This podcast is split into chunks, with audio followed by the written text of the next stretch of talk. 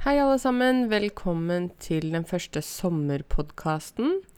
Nå er det sommerferie for mange, og noen av dere jobber fortsatt. Det er jo fra og med neste uke eh, som fellesferien starter. Og fellesferien, det er eh, den ferien der veldig mange bedrifter og f.eks. barnehager og sånn stenges, eh, og så tar alle ferie.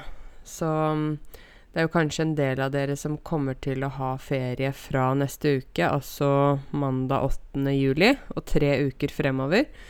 Um, på enkelte steder så er det pålagt. At det er pålagt, betyr at man må. Altså man må ta ferie når bedriften stenger, eller uh, når de fleste ansatte tar ferie. Og det er jo kanskje rett og slett fordi det er f.eks. lav produksjon, eller det er ikke så mye som skjer, eller uh, det er bedre at alle tar ferie samtidig, osv. Så, videre. så når man jobber på en arbeidsplass, så uh, er det ganske vanlig at man blir informert om ferie før man starter. Og hvis du ikke blir informert om det, så bør du spørre, ikke sant. Og når er det man pleier å ta ferie her på denne arbeidsplassen. Fordi hvis du tenker at du vil ha ferie i februar og i september og i november, så er det ikke sikkert at det passer på den arbeidsplassen der du er, da. Så det bør man avklare på forhånd. Og avklare, det betyr at man gjør det helt klart og tydelig. Man vet akkurat hvordan ting er, da. Man avklarer. Uh, jeg har jo nå slutta på Lørenskog voksenopplæring. Um, hvorfor har jeg slutta? Rett og slett fordi at jeg ikke har tid til å jobbe noe annet sted enn i min egen bedrift. Så vi hadde sommeravslutning der nå um, ja, for uh, halvannen uke siden. Halvannen betyr halv og annen, så én og en halv. Mange, mange av dere sier én og halv. Det er feil. Enten én og en halv eller halvannen. Så da var det avslutning på Lørenskog voksenopplæring. Det var mange som sluttet, faktisk, fordi det nå er nedbemanning når det gjelder voksenopplæring. Nedbemanning betyr at man kutter på en måte antall eh, arbeidere fordi det er mindre å gjøre. Så man har da ikke behov for så mange ansatte, og da har man en nedbemanning. Um, så de som ikke hadde faste stillinger der, de lærerne som på en måte gikk i engasjement Engasjement er vel et fransk ord. Engagement, tror jeg. det høres sånn ut. Uh, engasjement betyr at man da har jobb en periode, men ikke fast. Jeg hadde fast jobb, så man kan jo tenke at uh, Karense, er du gal, som sier opp en fast jobb i disse tider når det er nedbemanning på voksenopplæringssenteret og det er mindre å gjøre. Vel, uh, jeg har ikke mindre å gjøre. Jeg har tross alt mer å gjøre. Tross alt betyr motsatt. Jeg har tross alt mer å gjøre enn hva jeg hadde før. Um, og det tror jeg handler om at uh, bedriften min har vokst. Den har blitt større. Jeg har flere studenter og ja, flere lærere som også jobber nå, så det er mye å gjøre. Så da, da må jeg prioritere det. Prioritere betyr å sette noe først. Hva du synes er viktig. Så nå prioriterer jeg min egen bedrift. så jeg har mange prosjekter på gang. Um, utover høsten skal jeg holde en del foredrag Foredrag betyr at man snakker foran mange mennesker. Eh, jeg skal holde foredrag på Kompetanse Norge for lærere. Så der kommer det ca. 300 lærere, så det blir spennende. Og så skal jeg holde foredrag for eh, alle voksenopplæringene i Buskerud, altså for lærerne der. Eh, så der kommer det rundt 150 mennesker. Og i august da skal jeg opp til Skjervøy, som ligger oppe i Troms i Nord-Norge, for å holde kurs for lærere der i suggestopedi. den metoden som jeg har snakket om før. uh, generelt så er det mange ting som pågår, da. Jeg hadde her om dagen Her om dagen, det betyr for noen dager siden. Så her om dagen hadde jeg et møte med presidenten for ISU, altså International Student Union. Um, han heter Amin. Og vi hadde et møte om uh, hvordan jeg kan komme i kontakt med internasjonale studenter, fordi de vil jo også gjerne lære norsk. Uh, og hvis de lærer seg norsk, så er det lettere for dem å bli i Norge senere, istedenfor å bare reise rett tilbake til hjemlandet. Så da hadde jeg et møte med han, så jeg skal inn på deres konferanse, og ja, jeg tror det blir spennende. Eh, som lærer så er jeg jo ikke redd for å snakke foran folk. så det er ikke noe problem for meg å holde noe foredrag eller noe sånt. Eh, det er bare litt annen, annerledes form for undervisning, tenker jeg. Altså, jo Altså, foredrag betyr jo at de som sitter og hører på, ikke blir undervist. De skal ikke jobbe med oppgaver og sånn, men de uh, får informasjon av meg, og så kan de jo stille spørsmål etter hvert, da. Uh, når det er sagt, så har jeg også laget uh, et seminar som jeg skal holde i Oslo. Um, det er et seminar der jeg skal snakke om norskprøven B1, B2-nivå spesielt. Uh, for jeg ser jo fortsatt at veldig mange strever med det. Å streve betyr at man det, det, er vanskelig å gjøre det. Så de strever med dette med norskprøvene, og tenker at, jeg tenker at eh, hvis jeg har et seminar Seminar er ikke et kurs, men det er på en måte noen timer, da, hvor man kanskje jeg snakker mye, og dere som da kommer på det seminaret, kan også snakke sammen og dele tanker og ideer og sånn. Um, så det skal være i Oslo 8. september fra 12 til 3. Og så er det noen som sier ja, men hvorfor skal du ha det i Oslo, kan du ikke komme til Tromsø, kan du ikke komme til Bergen? Jo, det kan jeg sikkert gjøre etter hvert, men jeg må jo først starte et sted. Og da tenker jeg at det var greit å starte i hovedstaden, for jeg bor jo tross alt her. Um, så jeg har allerede fått mange påmeldinger. Det er jo begrenset med plasser. Det er 160 plasser maksimum. Og jeg har vel allerede fått 40 påmeldinger. Så det jeg har sagt, er at hvis man melder seg på før 7. august, så vil man få en rabatt på 100 kroner. Uh, sånn at det egentlig koster seminaret 450 kroner. Det er tre timer. Tre ganger 60 minutter. Men hvis man melder seg på før 7. august, så får man 100 kroner i rabatt. Så det er mange som har benytta seg av det tilbudet. Uh, og jeg håper at flere vil gjøre det. Jeg vil jo gjerne mm, liksom få kontakt med så mange som mulig i forhold til de som da trenger min kompetanse og mine råd. Uh, på det seminaret så kommer jeg til å snakke om hvordan man kan jobbe for å få B2. Særlig kommer jeg til å fokusere på B2 skriftlig, som jo er, er bøygen en bøyg betyr noe som er vanskelig å komme over. Så bøygen for mange av dere er B2 skriftlig, altså dere klarer lese, klarer lytte, klarer muntlig etter hvert. Men så er det liksom den skriftlige delen som henger igjen. At noe henger igjen, betyr at det fortsatt er der. Så når man da prøver å eh, ta B2 skriftlig og får ikke bestått, ikke bestått, eller man får B1, da, mange ganger, så blir man fort demotivert. Å være demotivert betyr at man mister motivasjon, mister interesse. Um, så jeg tenker at uh, på det seminaret skal jeg i hvert fall prøve å forklare hvordan dere må jobbe for å prøve å bestå B2, hvis det er det som er målet deres. Selvfølgelig, hvis målet ditt er B1, så, så kommer jeg også til å snakke om begge nivåene, men, men pga. at veldig mange sliter med å bestå B2 skriftlig Å slite betyr at man, det er vanskelig å gjøre det.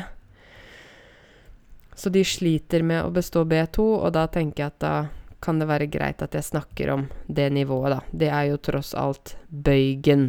Det er en bøyg å komme over og klare B2. Uh, det var litt morsomt uh, her om dagen. Her om dagen. Nå repeterer jeg igjen, ikke sant? Her om dagen så fikk jeg en e-post fra en uh, lærer, eller lektor, høyskolelektor. Litt høyere nivå enn lærer, da fra NTNU. NTNU er jo Norges uh, tekniske universitet, ligger i Trondheim. Eh, han driver nettstedet grammatikk.com. Kanskje mange av dere har vært der inne. Han eh, heter Kjell og lager ganske mange fine sånne ferdige PDF-filer som dere kan printe ut om mange forskjellige grammatiske temaer. Uh, og han sa til meg at du, Karense, uh, jeg har sett videoene dine og sånn og sånn, og så har jeg sett en video der du snakker om idiomer, og at man gjerne skal putte inn idiomer for å få B2-nivå. Men uh, jeg vil gjerne at du sletter denne videoen, fordi mange av deltakerne bruker idiomene feil, og bruker de altfor ofte, og putter inn idiomer i tekster der det ikke passer seg. Uh, og f.eks. bruker idiom som alfa og omega istedenfor å skrive veldig viktig eller essensielt eller avgjørende, altså sånne ord, sånne vanlige ord, så bruker man en del bruker idiomer. Uh, og at det kan bli litt sånn for mye, da. At det, det ikke blir et naturlig språk. Så han sa nå har vi som er sensorer, som korrigerer tekster, og vurderer på Kompetanse Norge. Vi har nå blitt allergiske mot disse idiomene fra den videoen. Så han ba meg om å fjerne videoen, eller endre innholdet. Um, fordi det jeg har sett, er jo det at når jeg lager en video, så er det veldig mange av dere som hører på det, uh, husker det og bruker det videre, og det er jo veldig fint. Uh, men det blir jo veldig feil hvis man bruker det feil, ikke sant? Hvis man ikke forstår hvordan man skal putte inn ord og uttrykk på riktig måte. Og særlig da hvis man skriver f.eks. et idiom feil, altså istedenfor å skrive i ny og ned, så skriver man i ned og ny. da blir det liksom helt feil. Så det jeg gjorde, var at jeg slettet den videoen, faktisk.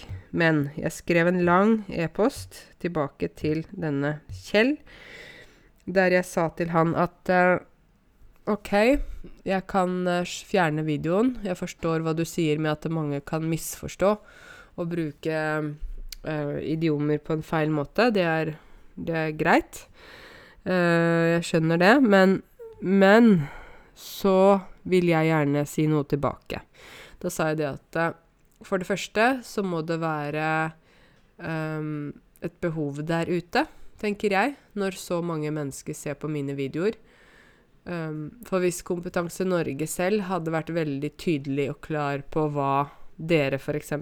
behøver å gjøre for å bestå disse nivåene, så hadde det jo ikke vært noe behov for mine videoer. Da hadde ikke dere behøvd å se på mine videoer, fordi det allerede var gode nok forklaringer, og alt var klart og tydelig. Um, nå skal jeg kritisere Kompetanse Norge litt, og det gjør jeg Det jeg står for det jeg sier. og hvorfor skal jeg kritisere Kompetanse Norge? Jo, fordi um, de har uh, laget språkprøver, uh, norskprøvene. Og norskprøvene er jo viktige, og det har blitt mer og mer viktige her i Norge. Det har blitt viktig for å få forskjellige jobber, for å komme inn på universiteter og høyskoler, for å få permanent oppholdstillatelse, for å få norsk pass, statsborgerskap osv. Så, videre. så disse prøvene har blitt avgjørende, altså veldig viktige for livet til mange av dere. Um, likevel er det ikke nok informasjon, mener jeg, der ute, som som dere kan lete opp og lese for å forstå hva dere skal gjøre på de forskjellige nivåene, altså A1, A2, A2B1 eller B1, B2, for å kunne klare å bestå det nivået dere trenger. Um, det ligger ute en læreplan, som er den offisielle læreplanen, og der står det liksom om hva man skal lære på de forskjellige nivåene. Det er jo greit. Og så ligger det ute en sånne vurderingskriterier. Vurderingskriterier er jo det som lærere og sensorer ser på når de skal vurdere en tekst, f.eks. Så ser vi på disse punktene for å se om teksten er på f.eks. B1 eller B2-nivå. Og da skal man krysse av på en liste uh, i forhold til hva denne eleven oppfyller av de kravene. Å oppfylle betyr at man, man klarer det. Man gjør det 100 um, Så ligger det noen få eksempelsvar ute på Kompetanse Norge. Så ligger det noen sånn eksempelprøver. Men jeg mener at dette ikke er nok. Jeg mener at det ikke er nok fordi Hvorfor er det så mange som ser på mine videoer? Særlig når jeg lager videoer om norskprøven. Hvorfor er det sånn? Jo, fordi det er et behov for det. Fordi dere føler kanskje at dere går i en tunnel der dere ikke finner lyset. Dere ser ikke hvor dere skal gå, og trenger råd og veiledning. Um, jeg skulle ønske det var mye mer tydelig der ute, da, hva, hva dere trenger å gjøre, slik at dere ikke gikk sånn i den mørke tunnelen, hvis du skjønner det bildet som jeg prøver å tegne. um, videre så tenker jeg også om sånne internasjonale språktester, f.eks. tøffeltesten, TOEFL. Da er det jo veldig tydelig hva man skal gjøre. Det finnes mange bøker og manualer der det står eksakt uh, hva som forventes. Det er eksempler, det er eksempelsvar. Uh, ja, det eksisterer masse materialer som gjør at det blir lettere å forstå hvordan man skal jobbe for å oppnå det nivået. Men det gjør det altså ikke til norskprøvene. Um, jeg synes også det er kritikkverdig. Kritikkverdig betyr at jeg, jeg mener det er verdt å kritisere. Altså jeg, jeg vil kritisere at f.eks. når man tar A1, A2-prøven, så får man presentert et bilde som man aldri har sett før. Uh, og ut ifra det bildet skal man forklare hva man ser. Um, og det syns jeg er en veldig rar uh, metodikk, fordi på andre type eksamener så har man jo et pensum, altså man har bøker og tekster man skal lese. Så leser man det og forbereder seg, og så får man spørsmål ut ifra pensum. Um, disse bildene er jo bare helt tilfeldige illustrasjoner, bilder. Uh, og man må liksom snakke om de uh, der og da. Jeg syns det blir feil. Jeg syns også det blir feil at man skal um, av og til svare på spørsmål som uh, det kan være på norskprøven. Um, hva synes du om at det er 18 års aldersgrense på alkohol? eller kan du fortelle om deg selv? Det er jo ikke alle som ønsker å fortelle om seg selv til fremmede mennesker. Så Uh, det er derfor jeg prøver å hjelpe dere ved å lage disse videoene. Um, så er det jo interessant da når jeg da får tilbakemeldinger fra folk som Kjell, som da sier at nei, denne videoen blir feil, du kan ikke ha det sånn. Ok, Kjell, men hvis jeg eh, hadde visst at det var eh, Hvis jeg på en måte hadde visst eksakt hva disse Kompetanse Norge-sensorene leter etter, så kunne jeg lettere laget videoer som var eksakt rettet mot det, men det vet jeg ikke. Eh, så jeg prøver å finne noen logiske måter som gjør at dere også da kan følge det. Så sa Kjell tilbake til meg at ja, men du vet, en god B2-tekst er som et godt ekteskap. Man kan ikke definere eksakt hva som er en god B2-tekst. Um, akkurat som i et ekteskap. Noen ønsker å ha mye humor i ekteskapet sitt. Andre er veldig opptatt av respekt. Uh, andre igjen uh, synes det er mer viktig å fokusere på familie. Så man kan ikke ha ett svar på hva som er et godt ekteskap, og heller kan man ikke ha ett svar på hva som er eh, en god B2-tekst. Men en god B2-tekst har presise leksikalske forklaringer har et bredt ordforråd, klarer å skrive på en lettleselig måte, osv., osv. Men mange av dere, når dere ser en sånn liste, så blir dere fortsatt like mye i tvil. OK, kan skrive på en lettforståelig måte, har et bredt ordforråd, hva betyr det? Så Eh, jeg, jeg, tar gjerne slike kamper med professorer og hvem nå enn det måtte være. Um, for jeg, jeg er personlig ikke fornøyd med hvordan systemet er. Og det er ytringsfrihet i Norge, det vet dere, og jeg står for det jeg sier. Jeg sier det helt ut nå her på en offentlig podkast. Uh, jeg er ikke redd for å si ifra, uh, fordi at jeg mener at uh, dere ikke får nok informasjon. Det er min personlige mening. Jeg sa også til Kjell at du, Kjell, hva hvis Hvis jeg sier til deg f.eks. Du skal studere nå tagalog, som er offisielt språk på Filippinene. Uh, der bruker man ABC, så det er samme alfabet. Du skal lære deg tagalog. Uh, du får en læreplan som står hva du skal lære i de forskjellige nivåene. Og så i tillegg får du vurderingskriterier for uh, tagalogprøvene, ikke norskprøvene.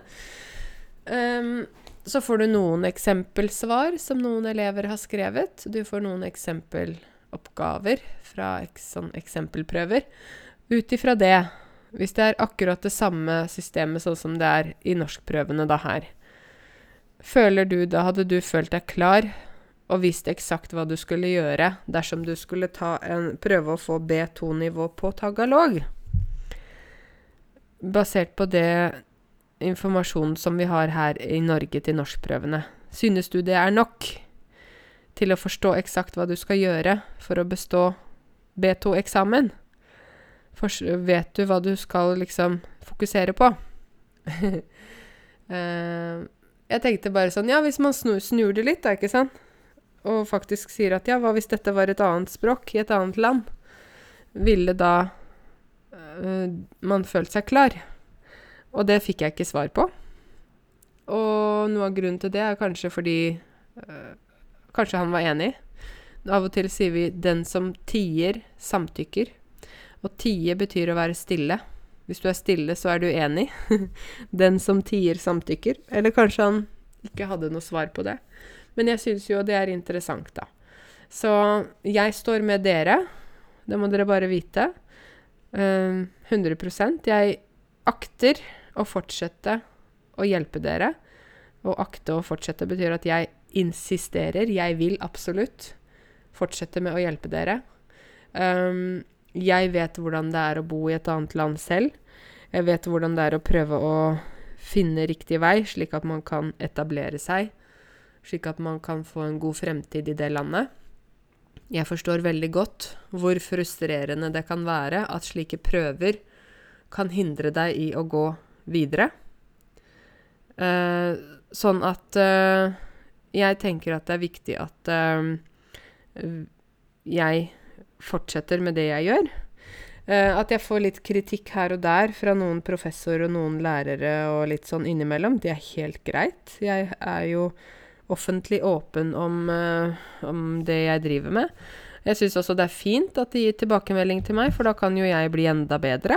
Av og til har de også noen gode poenger.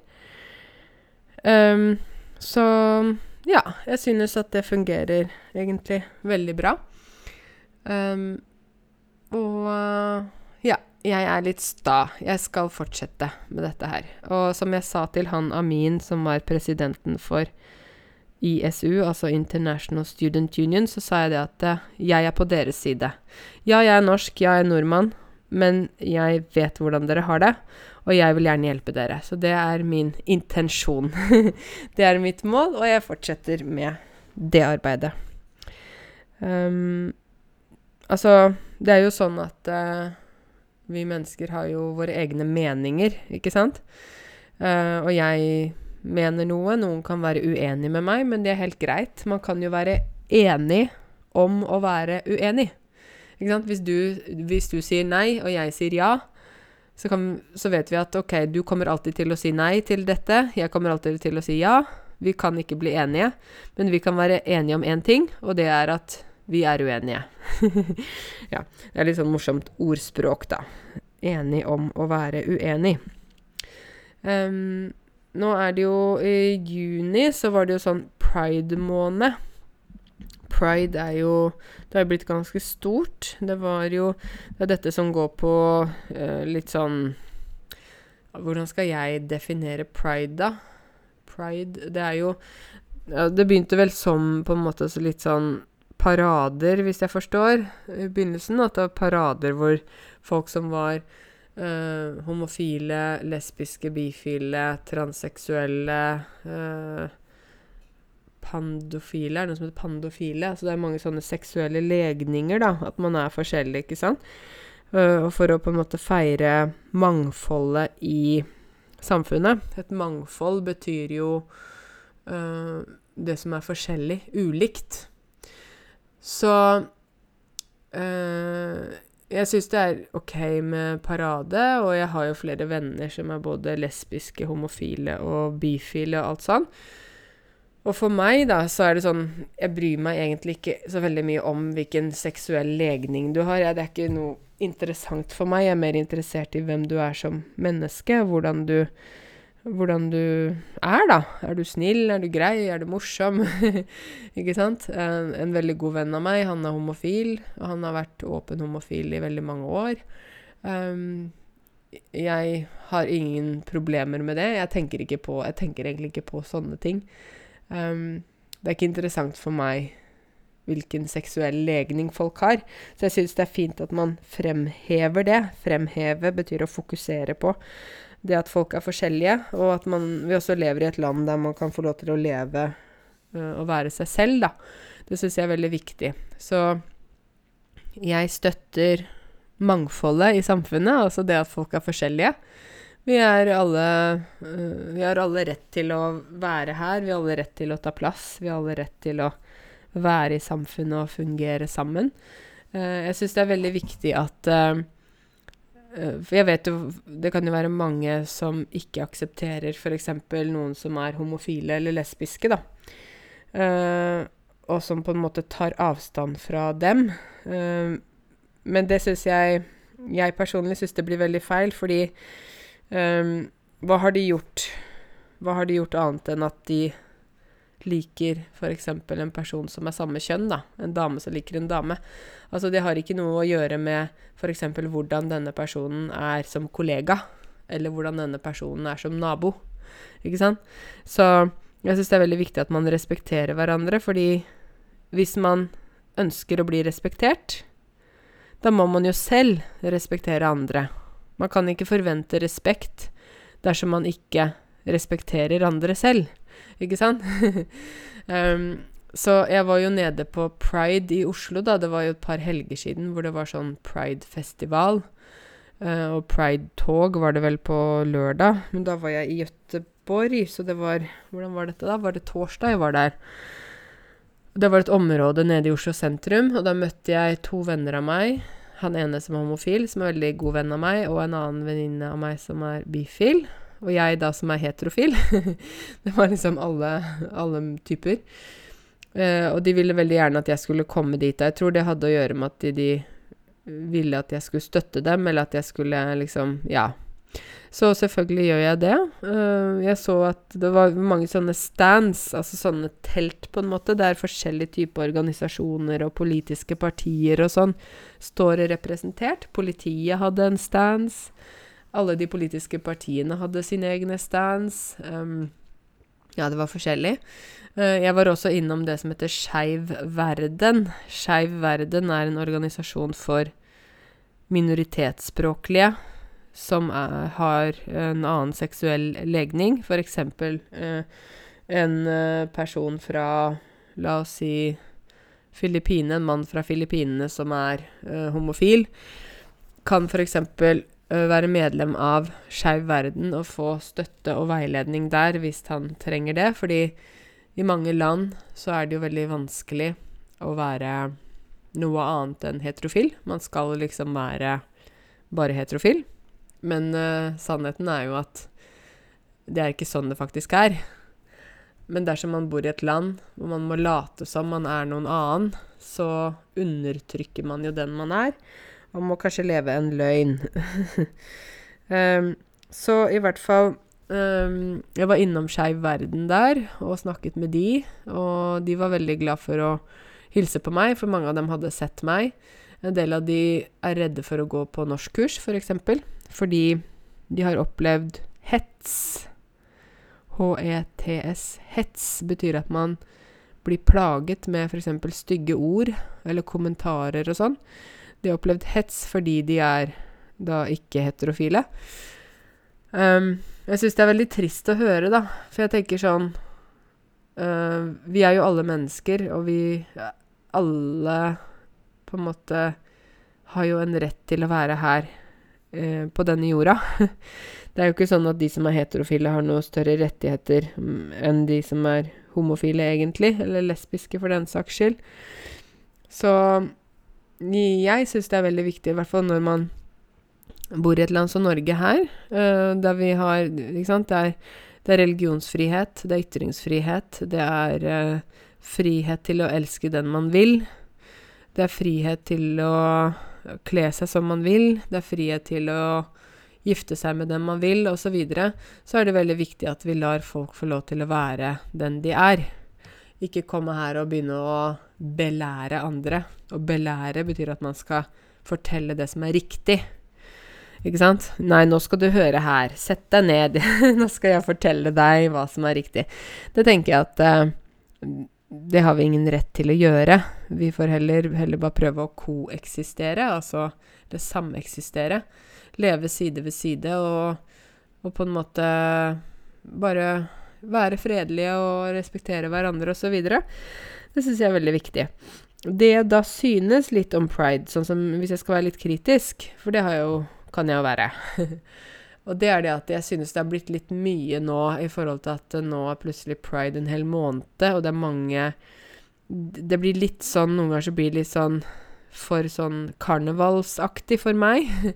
Det er jo morsomt at man kler seg opp i kostymer og tuller og går i sånn parade og sånn, OK, men det jeg er redd for med det, er jo det at det kan bli eh, Hva med de som da er liksom mer sånn vanlige, hvis jeg kan si at noen er vanlige, hvis de kler seg vanlig, uh, har en vanlig jobb, bor i et vanlig hus, gjør vanlige ting, men f.eks. at de er lesbiske eller de er homofile eller noe sånt. Det er jo ikke sikkert at de identifiserer seg med dette her, med pride, men det som kan skje, er jo at de som ikke kanskje vet så mye om det, og kanskje allerede er litt motstander av de som er f.eks. homofile, så kan det bli sånn at de sier ja, de som er homofile, de går jo bare rundt med kostymer og parykker og tuller og kler seg ut, og det er bare tull. Og det er jeg litt redd for, fordi at uh, jeg syns at man må skille mellom show og virkelig liv, da. Et show er liksom akkurat som et teater, ikke sant. En, en musical, en forestilling. Mens det vanlige liv er jo hverdagen vår. Det er det vi møter hver dag. Og Jeg diskuterte med denne venninna mi som er da bifil. Bifil betyr bi, betyr to. Eh, det betyr at hun liker både jenter og gutter. Kanskje vanskelig å forstå for noen av dere, men eh, ja, hun er det. Um, men det betyr ikke at hun liker meg, skjønner dere?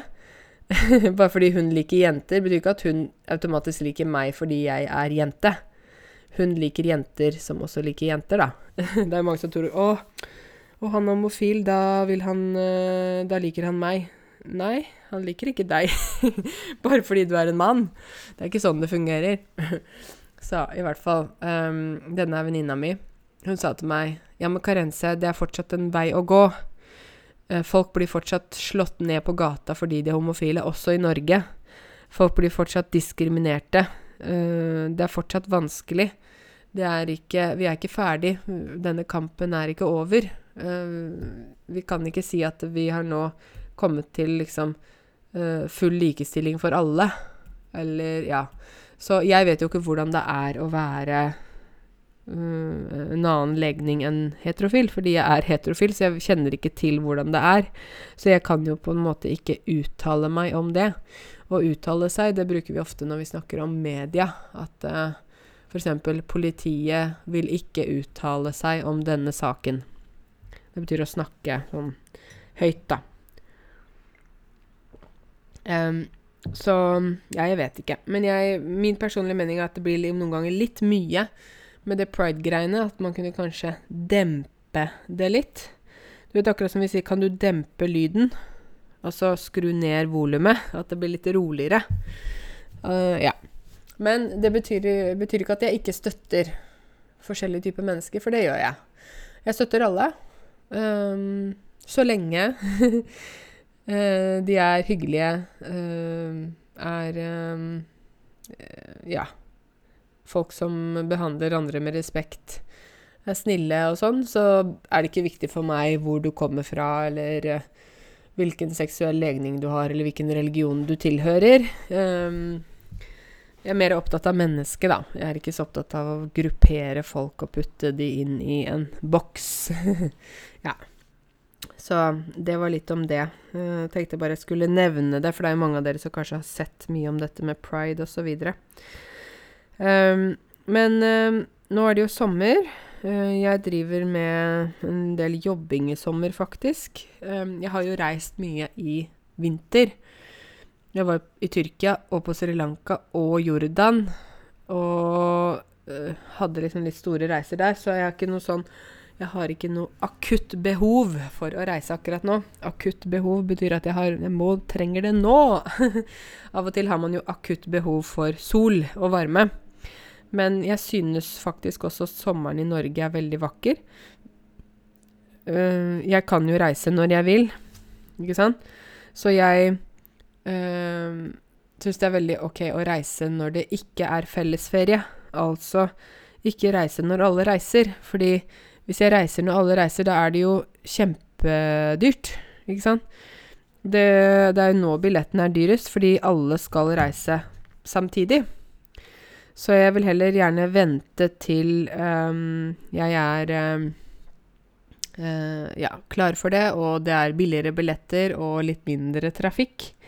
Jeg skjønner jo det at ikke alle kan vente på det. Noen må reise i fellesferien rett og slett fordi arbeidsplassen er stengt i fellesferien. Uh, så jeg skjønner det. Um, men uh, jeg som kan velge, da Jeg er ganske heldig, føler jeg, så da tenker jeg at da velger jeg å reise ja, en annen gang.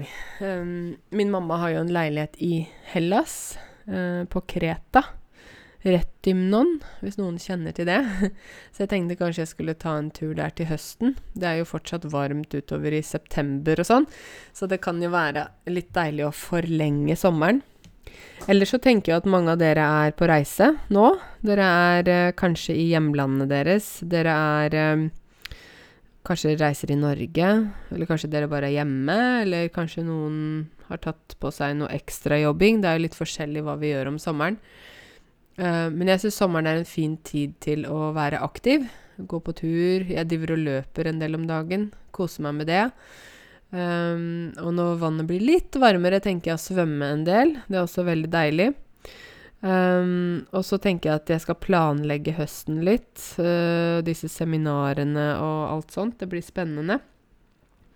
Um, men um, jeg lurer jo litt på hvor dere reiser. Jeg kan jo ikke snakke med dere her i podkasten, men jeg har sett noen innlegg på Facebook, for jeg har jo noen av dere på Facebook, og der er dere på reise, dere er i varme land, dere er med familie. Det er veldig fint å komme hjem til familie om sommeren, da, og hilse på og være sammen og Ikke sant? Bare det å være sammen er jo veldig fint. Um, det med å hilse på venner igjen, ikke sant. Jeg har sett at noen av dere reiser til hjemlandet, dere skal på bryllup eller på noen fester. Uh, det er mange ting man kan gjøre om sommeren, men det er jo veldig fint å i hvert fall ta noen småturer, da. Jeg postet jo på Facebook-gruppen min om um, allemannsretten. Um, jeg vet ikke om dere er medlem av min Facebook-gruppe, men hvis dere ikke er det, kan dere finne gruppen ved å søke 'Norsklærer Karense' på Facebook. Da finner dere gruppen der. Så er dere velkommen til å bli medlem. Da legger jeg ut forskjellige ting, da. Alt fra bilder til uh, serier jeg anbefaler dere til Ja, det kan være mange ting. Men allemannsretten betyr at du kan campe, eller telte, i naturen. Altså det kan være både ved sjøen, det kan være i skogen osv., på fjellet. Uh, du kan ha med deg telt, og så kan du sove et sted. Uh, du setter teltet. Det må være 150 meter fra hytter og hus. Og så kan du bo der på en måte i to døgn, da. Da er det gratis, og det er sånn åpent for alle. Så jeg syns det er så fint med den allemannsretten, for det betyr at alle kan bruke naturen, og det er jo gratis. Så det med telttur er kjempefint. Og har man barn, f.eks., så er det veldig spennende for barna å være med på telttur og sove ute i telt, og det er kjempespennende. Så jeg vil si at det er veldig bra, da. Um, her i Oslo så er det jo noe, sånne øyer når man tar båt. Uh, og da tar man båt ut dit, og der er det jo veldig, også veldig spennende, da. Der man uh, kan være en dag, eller man kan sove over på noe som heter Langøyene. Kan man ha telt, sove over og våkne opp til deilig natur og havet, og man kan fiske, og, og det trenger ikke koste så mye. For poenget mitt er at man trenger ikke reise til kjempefine, fancy hoteller og sånn for å føle at man får en forandring eller en ferie. Man kan faktisk gjøre det enklere. Og jeg syns det er veldig fint, da. Um, jeg koser meg veldig i naturen, og jeg sover veldig godt når jeg sover ute i telt. Jeg gjør det jo ikke så ofte, men jeg liker å gjøre det av og til. Uh, for meg så er det veldig Det er sånn kommer tilbake sånn veldig gode minner fra barndommen, da jeg husker at vi var på telttur med familien.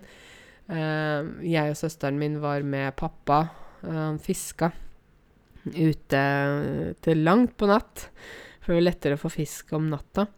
Uh, jeg husker vi sov i telt, det var kjempespennende. Jeg husker vi lagde mat på primus.